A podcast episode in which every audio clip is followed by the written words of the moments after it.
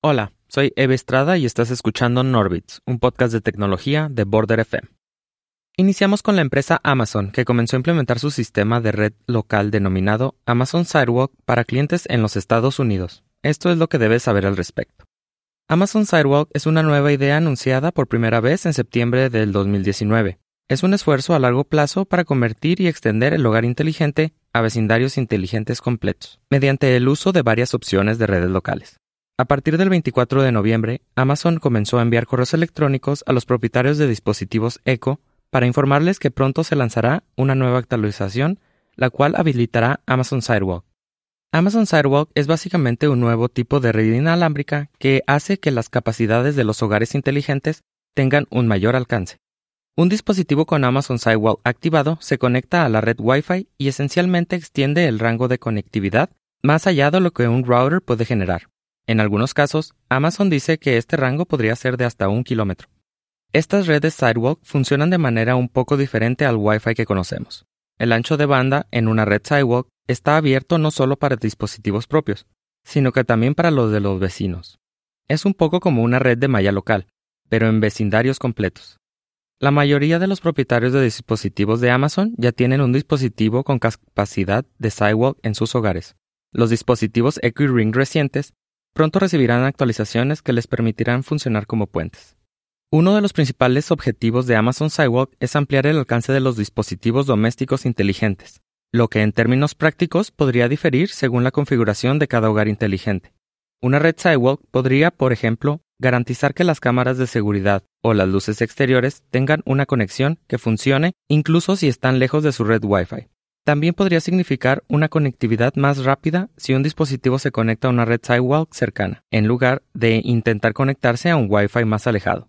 Si de casualidad se encuentra un dispositivo Tile mientras se camina por el vecindario, aún podría estar dentro del alcance de una red local de Sidewalk y podrá conectarse a los servidores apropiados utilizando el ancho de banda de Sidewalk de un vecino. Por un lado, Sidewalk no reemplaza una red Wi-Fi. El ancho de banda disponible en una red Sidewalk es bastante pequeño. Amazon dice que el ancho de banda máximo es de 80 kilobits por segundo, con un límite máximo de 500 megabytes.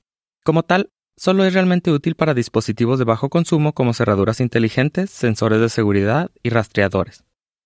Por supuesto también existen preocupaciones de seguridad y privacidad. Si su perro tiene un collar conectado a una red Sidewalk, significa que puede estar enviando a Amazon la ubicación y duración y la frecuencia de todos sus paseos con su perro.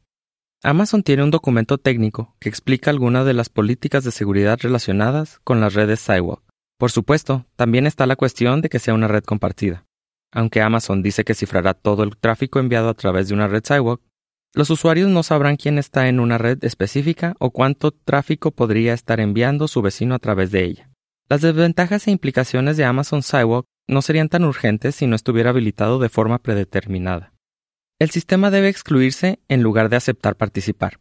Una vez que Amazon realmente habilite Sidewalk, los usuarios verán una pantalla de presentación de información que explica qué es y qué hace. Ahí tendrán la opción de desactivarlo. Estará activado de forma predeterminada. Los usuarios también podrán desactivar el sistema de red local a través de la aplicación de Amazon Alexa. La opción se encuentra en Configuración, Configuración de la cuenta, Amazon Sidewalk. Si los usuarios desactivan Sidewalk, sus dispositivos no podrán conectarse a las redes de su vecindario local. Por otro lado, los vecinos tampoco podrán usar el ancho de banda de su red. Al parecer, Todas las plataformas están introduciendo una función similar a Instagram Stories en su aplicación. El último en unirse a la fiesta es Spotify, ya que según los informes están trabajando en una función similar. Con la temporada navideña acercándose rápidamente, el gigante de la transmisión de música ha estado actualizando su lista de reproducción Christmas Hits y, junto con eso, están probando su función de historias. Ciertos usuarios de Spotify en Android e iOS han confirmado que se ha aparecido una nueva función de historias en la aplicación. Las historias, en cierto modo, funcionan de manera similar como funcionan en Instagram o Facebook, pero hay una ligera diferencia. Parece que estas historias solo pueden anclarse en la parte superior de las listas de reproducción y actualmente solo puedes ver a los artistas publicando clips cortos de ellos mismos en la lista de reproducción correspondiente.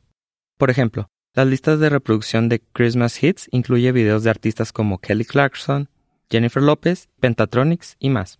Spotify ya ha confirmado que actualmente está probando esta función. En Spotify realizamos rutinariamente una serie de pruebas de esfuerzo para mejorar nuestra experiencia de usuario. Algunas de estas pruebas terminan allanando el camino para la experiencia de usuario sea más amplia y otras sirven solo como un aprendizaje importante. No tenemos más noticias que compartir sobre planes futuros en este momento, dijo un portavoz de Spotify. Esto no sorprende, ya que aplicaciones populares como Snapchat, Instagram, Facebook, YouTube, Twitter y más reciente, incluso LinkedIn, incluyen la función de historias. Spotify no ha confirmado cuándo estas historias serán visibles para todos los usuarios o si se pueden agregar a sus propias listas de reproducción en futuro. El plegamiento de proteínas ha sido un gran desafío en la biología durante 50 años, una forma arcana de origami molecular. Su importancia es difícil de exagerar. La mayoría de los procesos biológicos giran en torno a las proteínas, y la forma de una proteína determina su función. Cuando los investigadores saben cómo se pliega una proteína, pueden comenzar a descubrir qué hace. La forma en que la insulina controla los niveles de azúcar en la sangre y la forma en que los anticuerpos luchan contra el coronavirus están determinadas por la estructura de las proteínas. Para aprender cómo se pliegan las proteínas, los investigadores de DeepMind entrenaron su algoritmo en una base de datos públicas que contiene alrededor de 170.000 secuencias de proteínas. DeepMind puso AlphaFold a prueba en una competencia global llamada Evaluación Crítica para la Predicción de la Estructura de la Proteína, o CASP por sus siglas en inglés, que el CEO de DeepMind, Demis Hassabis, llama las Olimpiadas del Plegamiento de Proteínas. Durante la competencia, sistemas como AlphaFold reciben cadenas de aminoácidos para proteínas con formas que ya han sido identificadas a través de experimentos previos, pero que aún no se han publicado. Los jueces comparan las formas de proteínas producidas por los sistemas con lo que saben cómo deberían ser las formas. Al final de la competencia, AlphaFold tuvo las predicciones más precisas que cualquier participante de CASP en sus 25 años de historia por un amplio margen. Incluso las predicciones que no eran suficientemente precisas para ser consideradas competitivas con los resultados experimentales estaban a unos solos pocos átomos de ancho. Los datos completos aún deben ser revisados por pares y publicados, pero el equipo de DeepMind está entusiasmado con los resultados hasta ahora, y dicen en una publicación de blog que son optimistas sobre el impacto que AlphaFold puede tener en la investigación biológica y en el mundo en general. DeepMind es mejor conocida por su serie de programas para derrotar a los humanos que lograron la supremacía en el ajedrez, Go, StarCraft II y los clásicos de Atari de la vieja escuela. Pero la jugabilidad sobrehumana nunca fue el objetivo principal. En cambio, los juegos proporcionaron un campo de entrenamiento para programas que, una vez que fueran lo suficientemente potentes, se desencadenaría en problemas del mundo real.